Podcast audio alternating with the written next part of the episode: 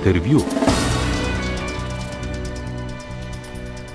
Peter Grum od decembra lani vodi finančno upravo.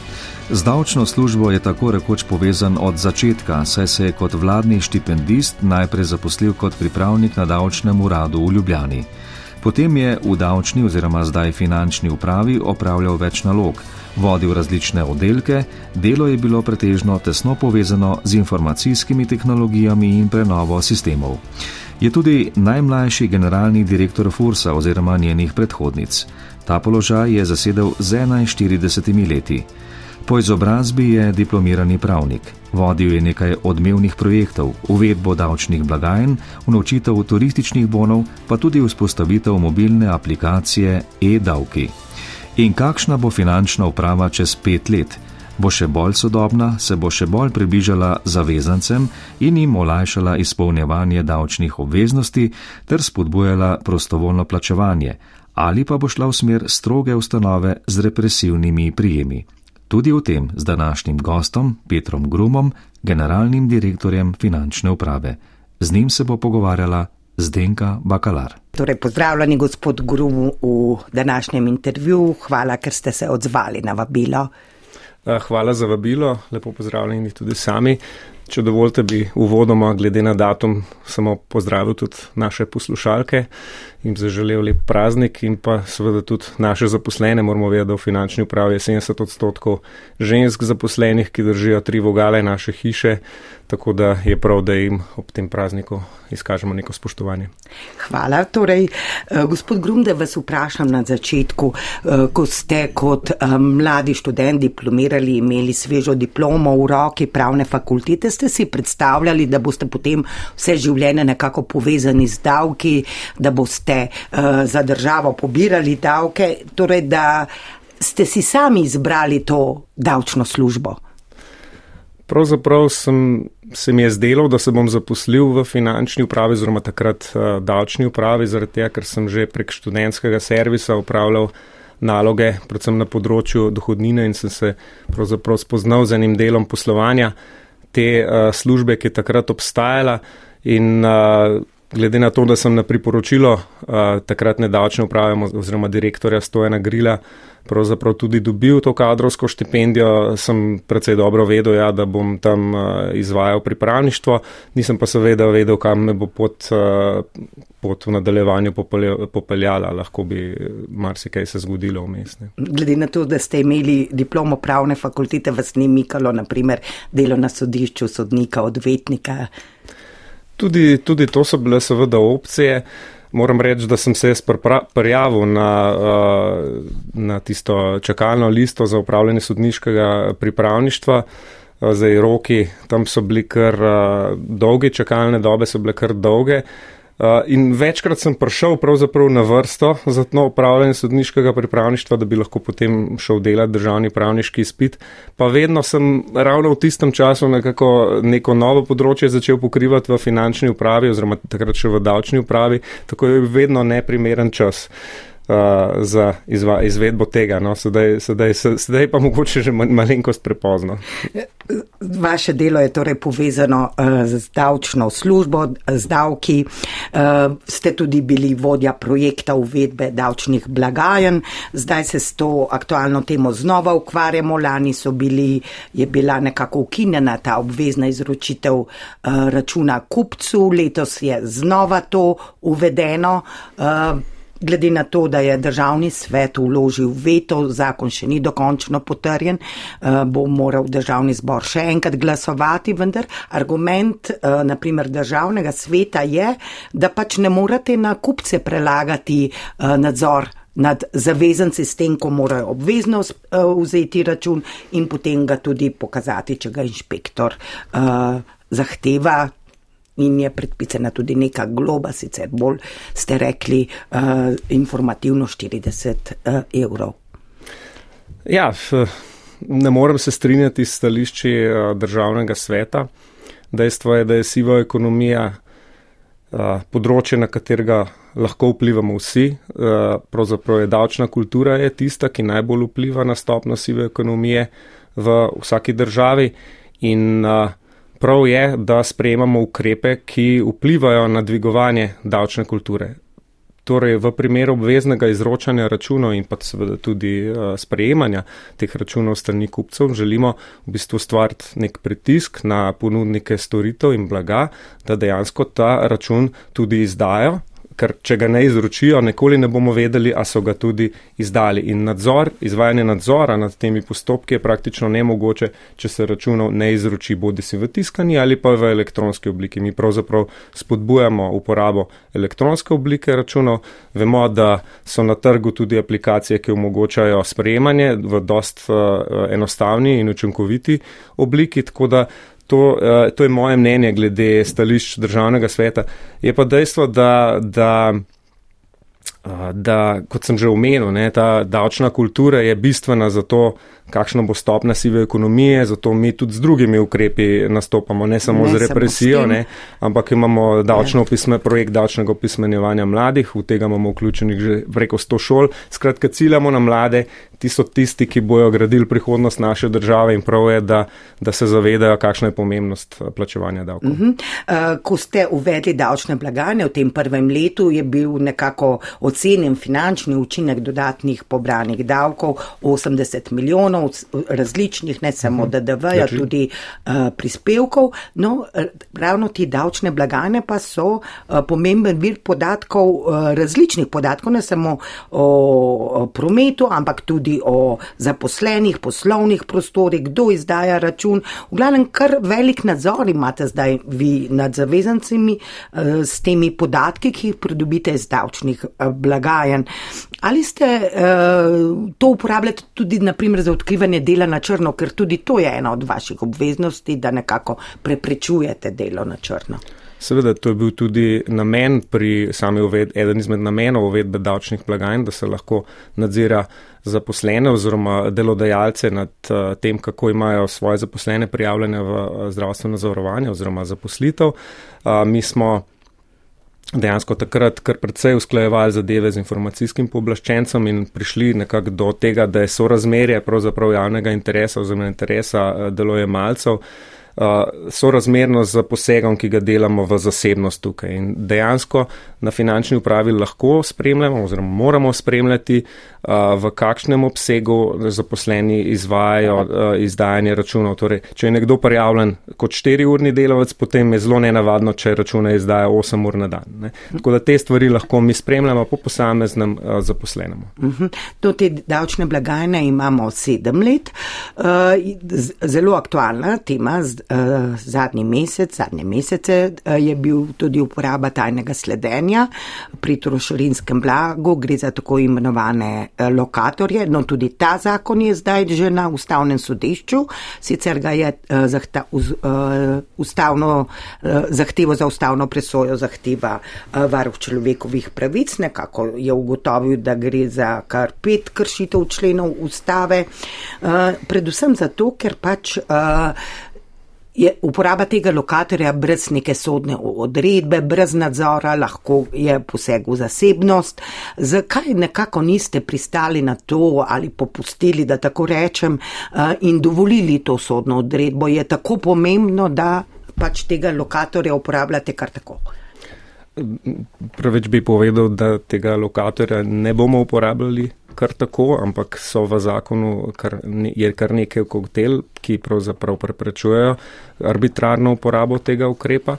Uh, najprej je pač glavni, uh, glavni razlog za, za njegovo uporabo to, da se preprečuje s tem najhujše kršitve na področju uh, trošarinske, carinske in pa DDV uh, zakonodaje. Seveda pa mora biti predhodno vzpostavljena preiskava na finančni upravi, da se sploh lahko uporabi tak ukrep in tak ukrep lahko predpiše samo generalni direktor oziroma od njega neposredno pooblaščena uradna oseba. Tako da, če si predstavljamo primeroma, približno 100 preiskav se naredi na leto na finančni upravi, od tega bi se pa recimo za cirka 10 primerov, 5 do 10 primerov uporabil ta ukrep. Tako da gre za zelo, zelo osko usmerjen ukrep, ki pa, uh, uporabo katerega pa je v nekaterih situacijah, nekaterih situacijah nujna. Zdaj, zakaj je sodna odredba, uh, so, nismo predlagali sodne odredbe, pač prvi razlog je v hitrosti. Torej, moramo se zavedati, da tovornak, mi dobimo informacijo iz tuje države, tovornjak pride na mejo, tam bi mu lahko namestili to napravo. V nasprotnem primeru, če moramo čakati na odredbo, moramo tovornjak ustaviti, mora tam počakati in s tem seveda že v bistvu izgubimo tisti element presenečenja in uh, seveda prevoznik lahko že ve, uh, kam pa staco moli in, uh, in seveda potem ne izvede tistega dejanja, ki ga je nameraval izvesti. Je pa dejstvo, da kautele, mi, mi izvajamo upravne postopke, ne kazenske postopke in kautele v kazenskih postopkih seveda morajo biti strožje kot v upravnem postopku. Uh, tako da mislim, da teh stvari ne gre primerjati. Uh, smo pa naredili v finančni upravi tudi primerjavo uh, z drugimi članicami Evropske unije. Od 16 držav, ki so nam posredovali odgovore, pravzaprav samo tri države nimajo uvedenega tajnega sledenja. Uh, in od teh uh, pravzaprav 13 jih ima 9, uh, 9 takih ured, tako ureditev, da za sledenje ne potrebujejo odredbe. Med njimi je tudi naprimer Italija in sta Italija in Nemčija. -huh. Ali bo to dovoljeno ali ne, bo nekako ugotovilo ustavno sodišče.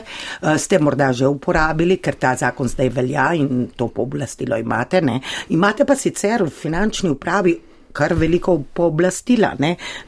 predvsem potem, ko se je združila carinska in pa davčna služba, cariniki oziroma davčni inšpektori eh, lahko nosijo orožje, da, da naštejem teh nekih pooblastil, lahko tajno snemajo, fotografirajo, lahko vstopajo v poslovne prostore brez odredbe sodišča, tudi na zemlišča, zasežejo dokumentacijo, ustavijo avtomobile, ga pregledajo, lahko tudi zadržijo kršitelja in ga celo uklenejo torej, in ga varnostno pregledajo. Torej, zelo podobna pooblastila, kot jih ima policija. Um, da tako rečem, vi ste torej finančna policija. Ne, nismo finančna policija, mi ne vodimo predkazanskih postopkov, tako da, tako da v tem delu se bistveno eh, razlikujemo od policije. Uh, smo pa, uh, imamo pa dejansko kar nekaj pooblastil, ki jih potrebujemo za učinkovito izvajanje naše službe. Povedati pa moram, da je v zakonu o finančni službi predviden tudi, uh, predvidena tudi uh, pritožba za tako delo, v kateri potem odloča komisija. Torej, če bi nek zavezanc ukodovil, da je prišlo do zlorabe teh uh, pooblastil po zakonu o finančni upravi, lahko naslovi na finančno upravo pritožbo in moram reči, da v vseh teh letih od začetka obstoja finančne uprave ni bilo niti ene pritožbe to vrstne uložene, tako da verjamem, da do teh zlorab ni prihajalo. Mi Ali pa zelo mogoče manj uporabljate ta pooblastila, ker so res zelo tako, ko jih začnemo mi, naštevati. Uh, zelo stroga. Zelo doziramo jih, samo v tistih primerjih, kjer so pač nujno, nujno potrebna. Ne. Dejstvo je, da umenili uh, ste orožje, torej orožje nosijo naši, naši mobilni oddelki, ne kar vsi inšpektori ali pa izterjevalci. To je približno 160 oseb, od 3600 tih nosi, nosi orožje orožje in uporablja del teh a, prisilnih sredstev, ki ste jih, ki ste jih navedali. No, ampak eh, glede na to, da eh, na vsa ta pooblastila bolj prisilna, ki sem jih zdaj uh, navedla, so zelo podobna tistim, ki jih uporablja policija, krepi ta bolj represivni del, vendar pa se večina davkov pobere prostovoljno, 97 odstotkov ali jih že uh, izplačevalci otegnajo davek ali pa zavezanci vlagajo na povedi. Skratka, neka dvojnost v tem delovanju finančne uprave pa je na eni strani uh, strogost, na drugi prostovoljnost. Na kaj bi vi stavili, kaj prinese, prinese boljše rezultate?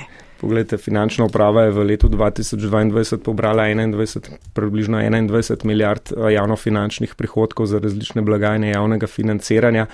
Kot ste omenili, odstotek 97% pove svoje mi absolutno ciljamo na teh 97%, manj na tistih 3%, ne, uh, kjer smo represivni, ampak želimo biti kar se da prijazni, želimo zagotavljati učinkovite storitve, ki bodo pravzaprav našim zavezancem omogočali, da bojo lahko enostavno plačevali davke in da bojo, da bojo dejansko tudi uh, imeli malo stroškov. Uh, s tem. Ne? In v tem delu smo seveda prijazni, v tistem manjšem, res majhnem delu našega poslovanja uh, Eh, pa seveda izvajamo nadzorne funkcije, torej represivne funkcije, ki so pa nujne za to, za to da dejansko teh 97% tudi ostane na 97 odstotkih. In seveda mi smo prijazni do tistih, ki pravilno obračunavajo in plačujejo davke. No, ena od uh, meril uspešnosti delovanja finančne uprave je tudi davčni dolg.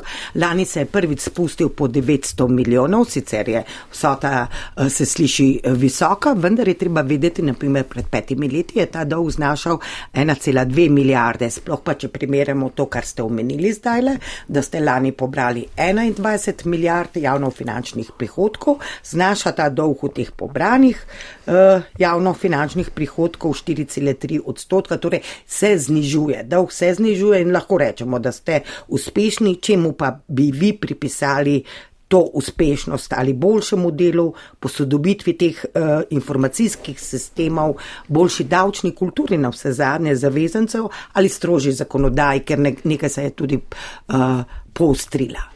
Ja, vse to, kar ste povedali, od, uh, določenih sprememb zakonodaje, ki so onemogočile pravzaprav nastajanje, nastajanje davčnega dolga, do nekaterih sistemskih ukrepov, ki smo jih, uh, ki smo jih uvedli na finančni upravi. In dejstvo je, da tudi moja ocena je, da smo pri tem uh, uspešni, 300 milijonov v, v petih letih. Uh, oziroma če povemo v odstotku pobranih javnofinančnih prihodkov, iz 7,3 odstotka smo pravzaprav zmanjšali dolg na 4,3 odstotka, kar je po mojem mnenju velik uspeh.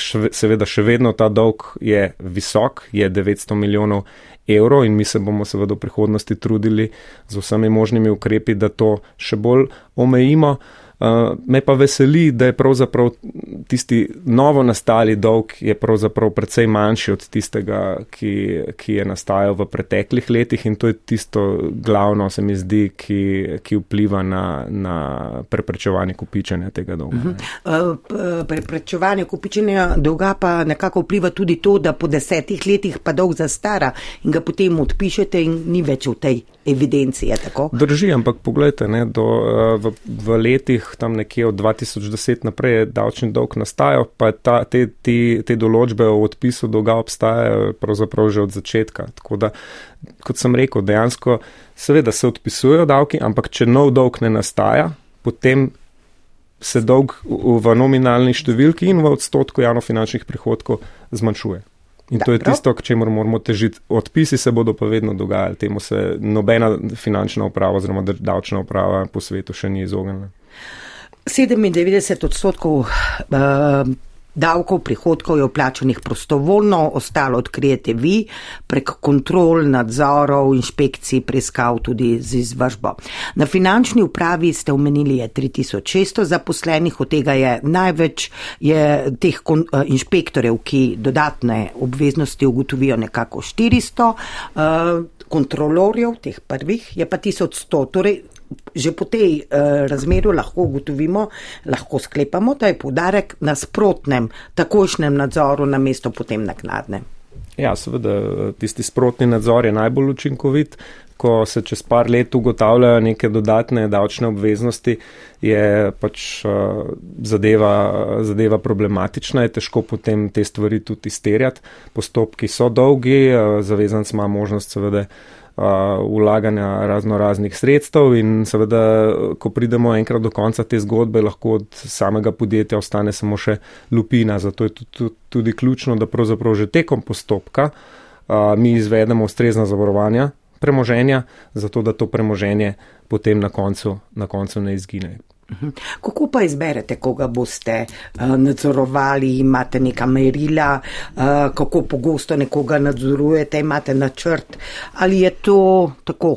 Uh, zagotovo je urejeno, ne, ne morete kar uh, Seveda, na pamet, da tako rečem, izbirati, koga boste pregledovali, nadzorovali, koga ne.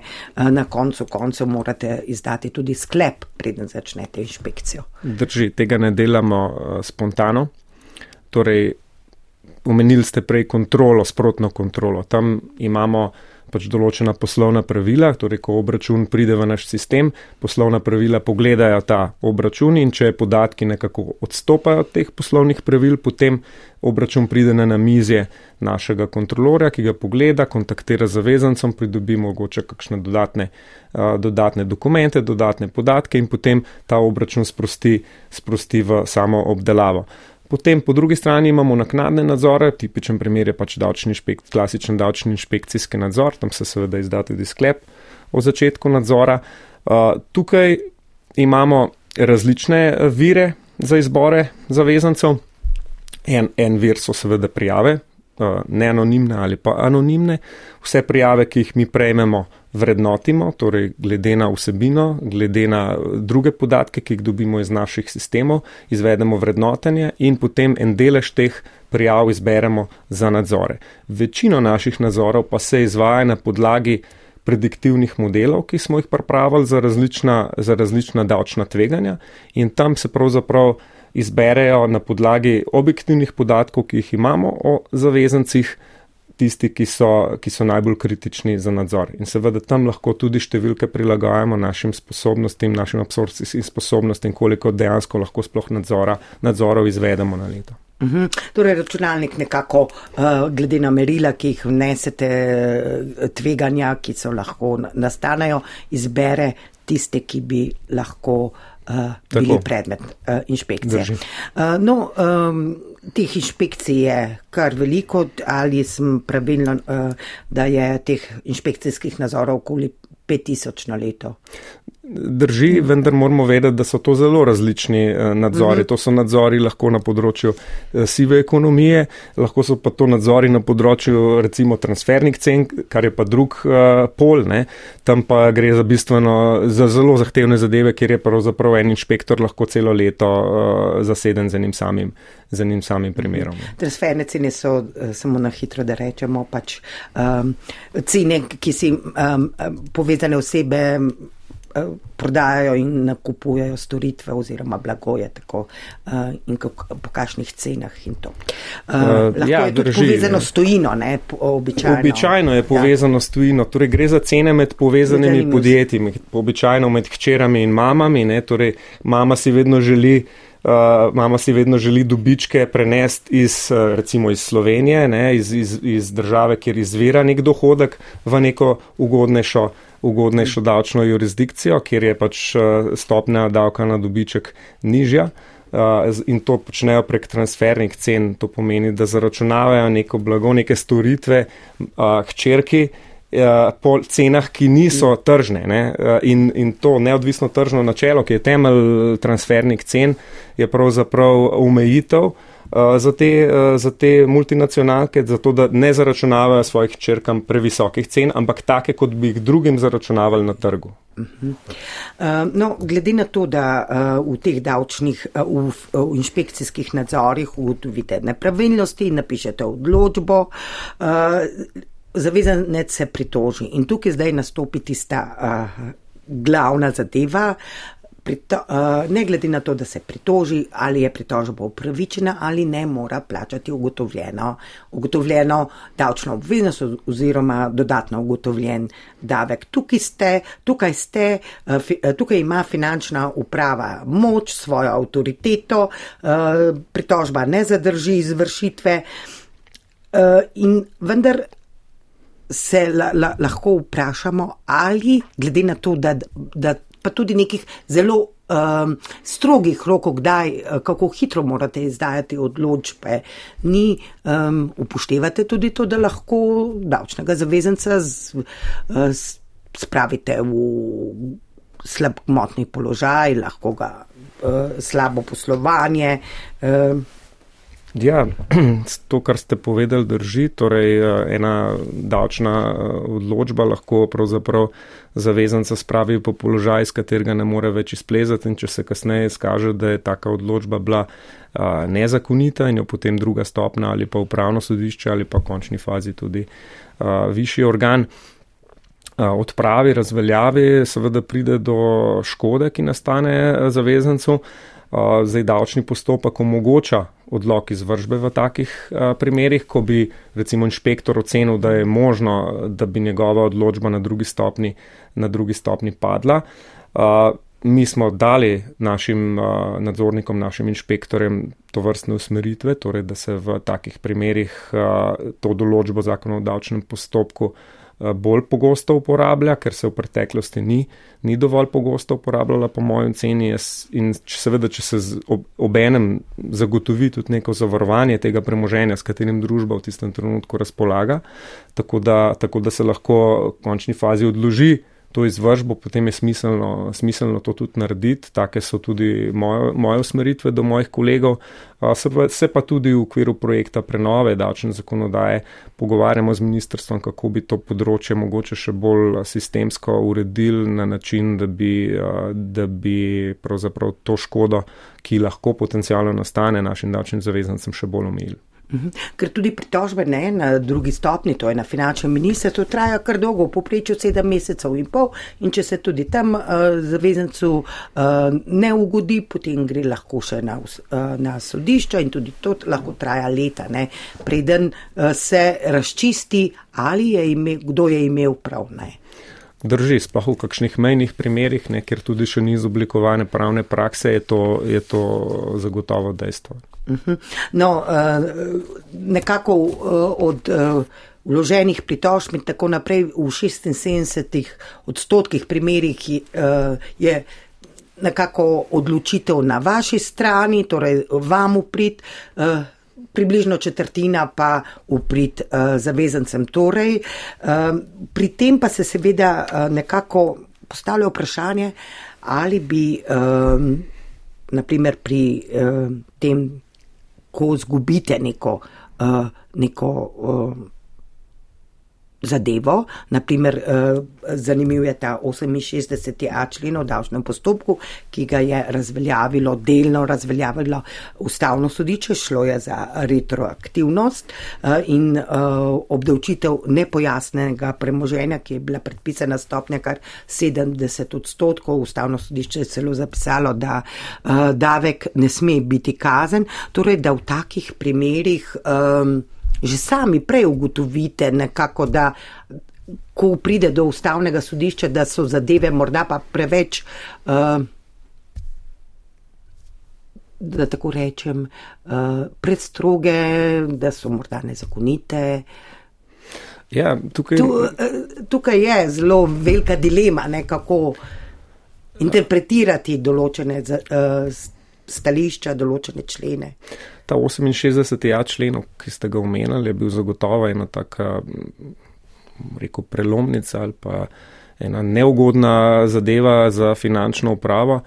Uh, smo nekaj ugleda s tem zgubili, če hočete, nekateri so nas zelo. Uh, Nekateri so te stvari še zelo poskušali potencirati v javnosti, tudi tisti, ki so imeli neke konkretne primere, neke konkretne primere upletene, ampak rekel bi tako, uh, mi se moramo zavedati, da finančna uprava dela skladno z zakonom, mora delati skladno z zakonom.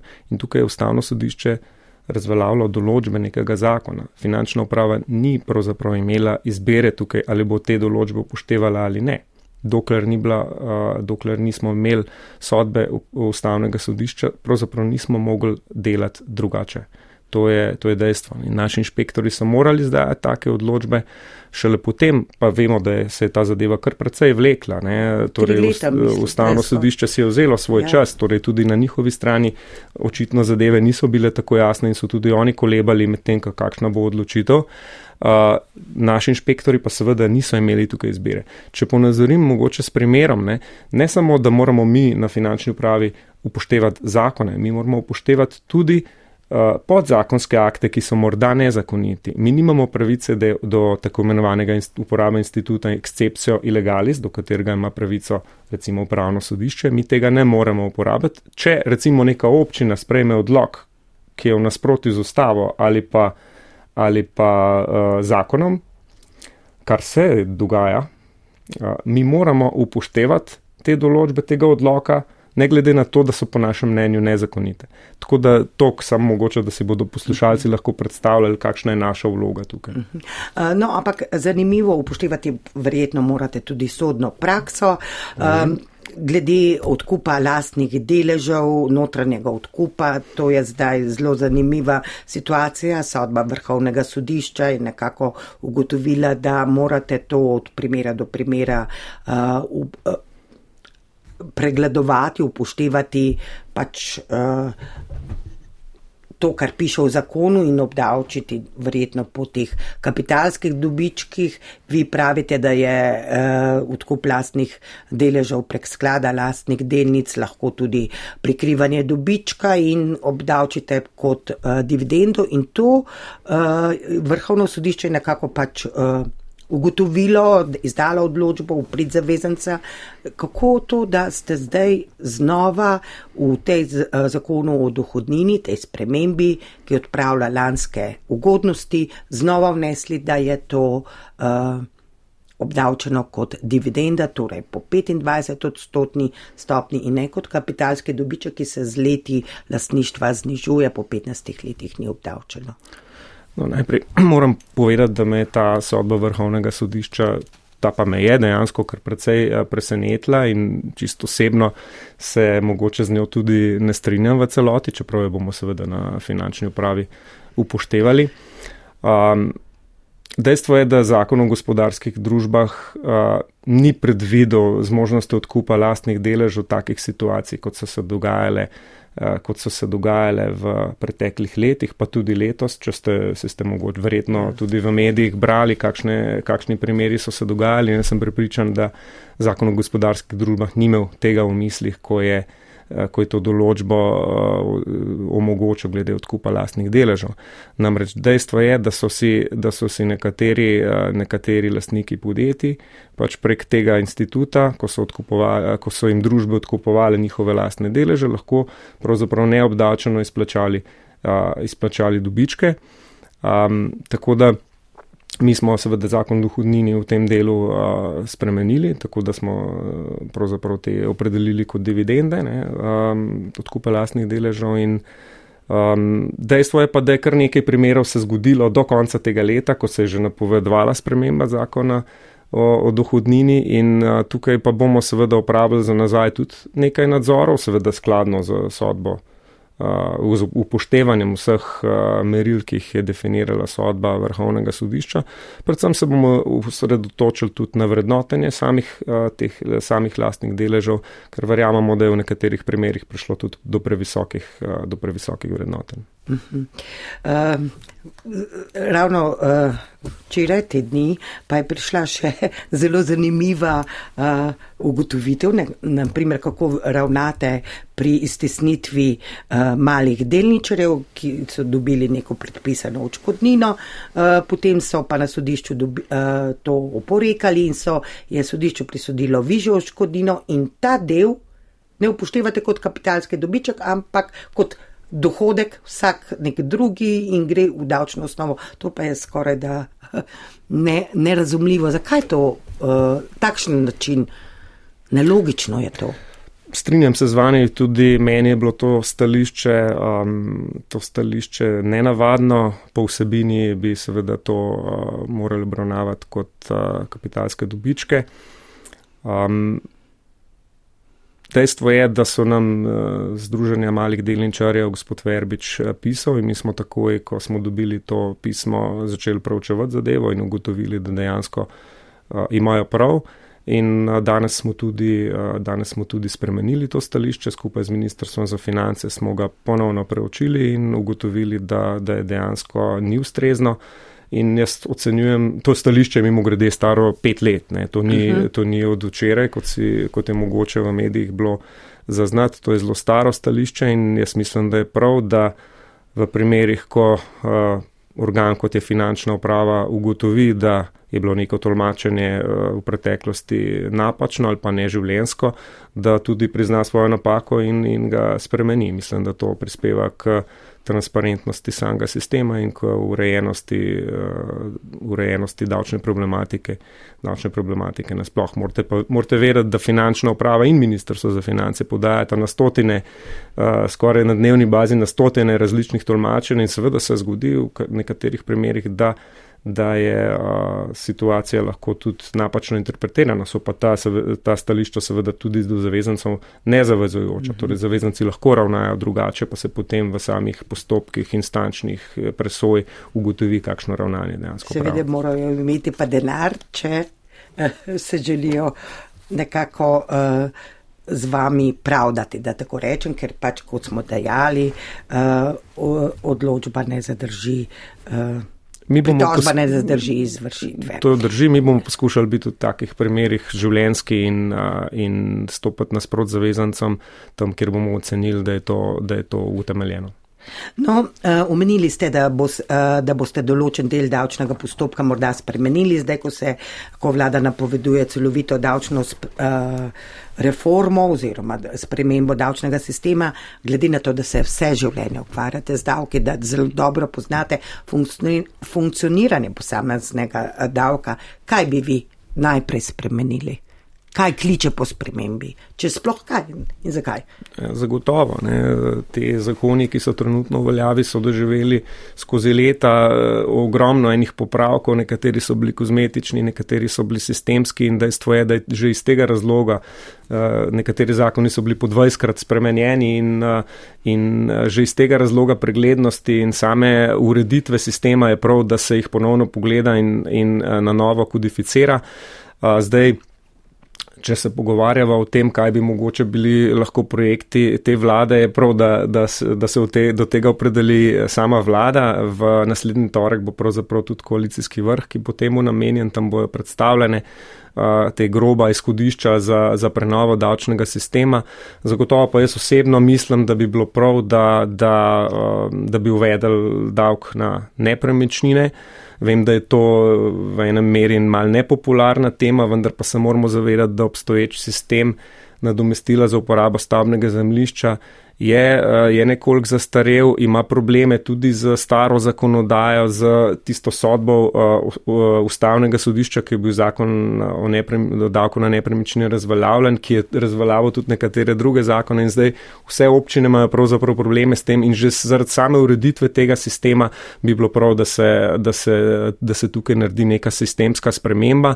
Zdaj, a, a so tukaj kakšne, kakšni manevrski prostori za dodatno, za dodatno davčno osnovo oziroma oziroma za višanje kakšnih stopenj. To, to je pa drugo vprašanje, ki, na katerega mora odgovoriti vlada. Zavedati pa se moramo, da je situacija danes drugačna kot takrat, ko se je prvič uvajal davek na nepremičnine. Podatki geodetske uprave so danes uh, precej, precej boljši in osnova za to, da se nek tak davek uvede, je pravzaprav zelo, zelo dobra. Uh mhm. -huh. Zraven tega davka na nepremičnine nekako sodi tudi to ostalo preboženje, v bistvu je vse to pač te nepremičnine, zemlišča, uh, vikendi, uh, večja stanovanja. Tudi to je zdaj že obdavčeno, vendar po zakonu iz prejšnje države. To pa je Drži. res nenavadno in to je zastarelo. Uh, Tudi sama napoved. Tega davka ne poberete veliko. Ne, ja. drži, drži. Tudi sama napoved je, tudi sama napoved je precej, precej arhajična, tako da absolutno je tukaj čas, da, da, da gremo v nek, da, da naredimo spremembo. Uh no. -huh. Mhm.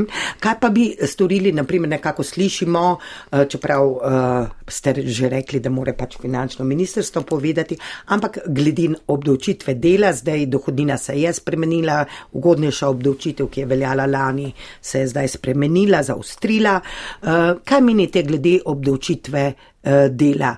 Kje so tukaj sploh, eh, vemo, da so zelo visoki prispevki, dohodnina pa je nekje na povprečju. Dohodnina je, je, na dohodnini pravzaprav sploh ne izstopamo tako zelo, glede na povprečje Evropske unije, mislim, da smo celo pod povprečjem.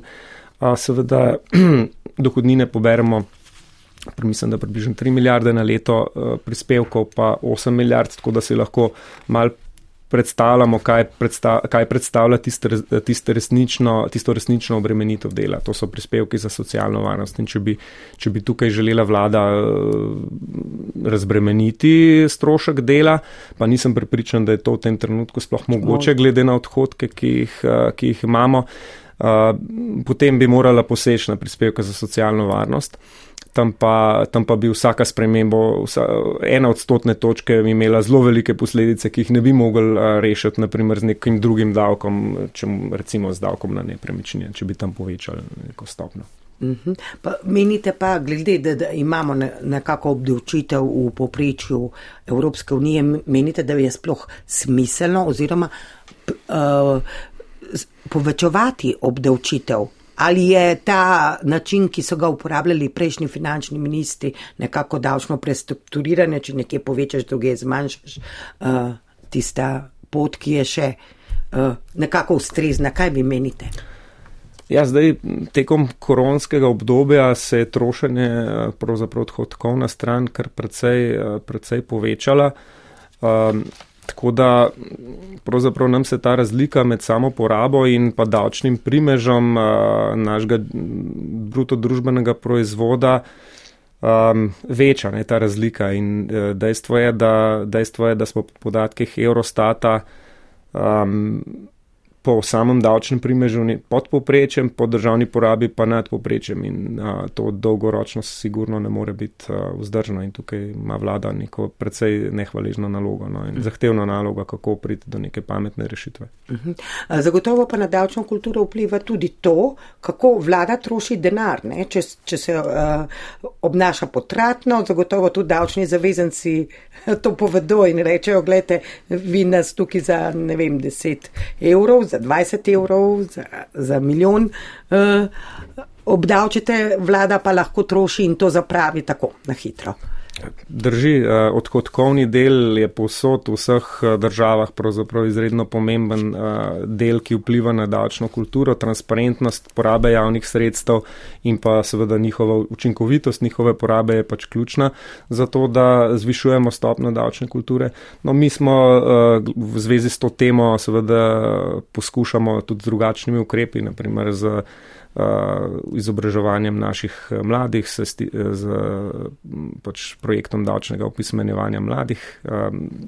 Tako da na tisto, kar lahko mi kot finančna uprava vplivamo, poskušamo vplivati, druge stvari, druge, v enem delu pa imajo drugi škarje in platno v rokah.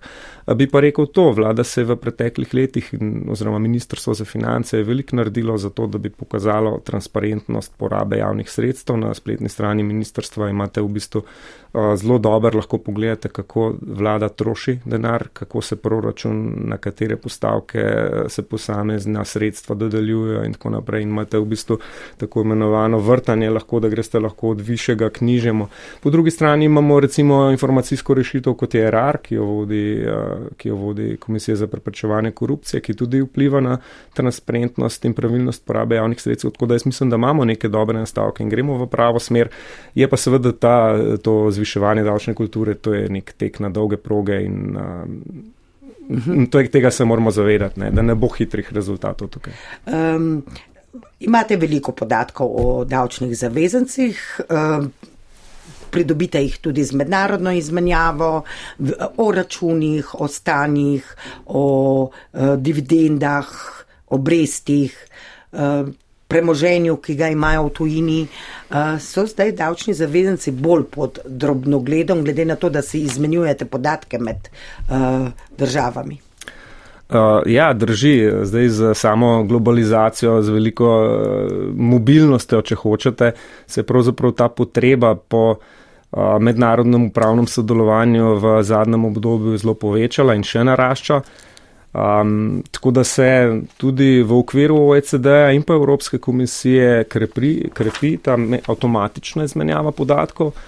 Uh, vse bolj se širijo različne kategorije podatkov, ki se avtomatično izmenšujejo. To so te DAC uh, predpisi strani Evropske unije in sam obseg izmenjenih podatkov, pa število držav, ki v teh izmenjavah uh, sodeluje, se povečuje.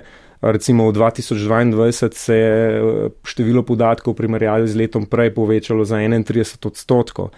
Tako da je, v, recimo, uh, mi smo ugotovili, da slovenski rezidenti, za katero so države poročale, da imajo finančne račune odprte v tujini, ne, so imeli recimo po stanju na zadnjega dne leta 2021 v tujini na računi skoraj 3,3 milijarde sredstev. Tako da ja, te podatki so izredno pomembni. Uh, trenutno se zelo pestro dogaja tudi na področju nove zmenjave, ki bo zajela uh, te operaterje digitalnih platform, ki bodo dolžni na podlagi uh, novih evropskih predpisov poročati o poslovni dejavnosti njihovih uh, prodajalcev, če želite, torej uporabnikov teh uh, platform in to je v bistvu zaradi hitrega naraščanja te tako imenovane gig ekonomije zelo, zelo aktualno. Gospod Grum, eh, se lahko davčni zavezanci skrijejo v davčne oaze, nekako splošno prepričanje, da če greš v davčno oazo, nakažeš denar, da potem davkarija ne more priti blizu. Seveda so bili uspešni primeri, v, uh, uspešni za tiste, ki so to storili uh, v preteklosti. Je pa dejstvo, da za samo mednarodno izmenjavo podatkov in s pritiskom na te uh, tako imenovane davčne oaze, ki se dogajajo preko ECD-ja, uh, se uh, lahko bistveno, bistveno vpliva na to.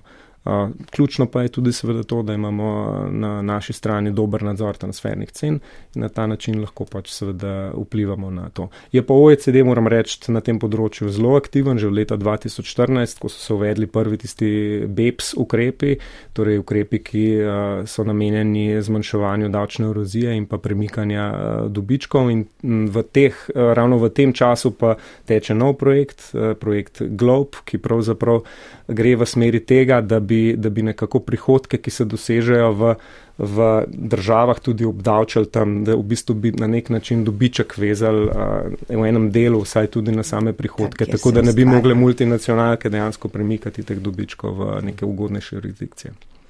No, gospod Grum, generalni direktor finančne uprave, hvala, ker ste se odzvali povabilu, s tem moramo nekako končati današnjo oddajo, današnji pogovor. S finančno upravo pa smo povezani ter tako rekoč vse življenje, ob rojstvu dojenčka, namreč dodelite davčno številko in ta ugasne, ko ugasne življenje. Če smo čisto natančni, davčna številka še ostane, ampak ja, aktivnost zavezanca pa ugasne. Hvala za vabilo. Hvala tudi vam.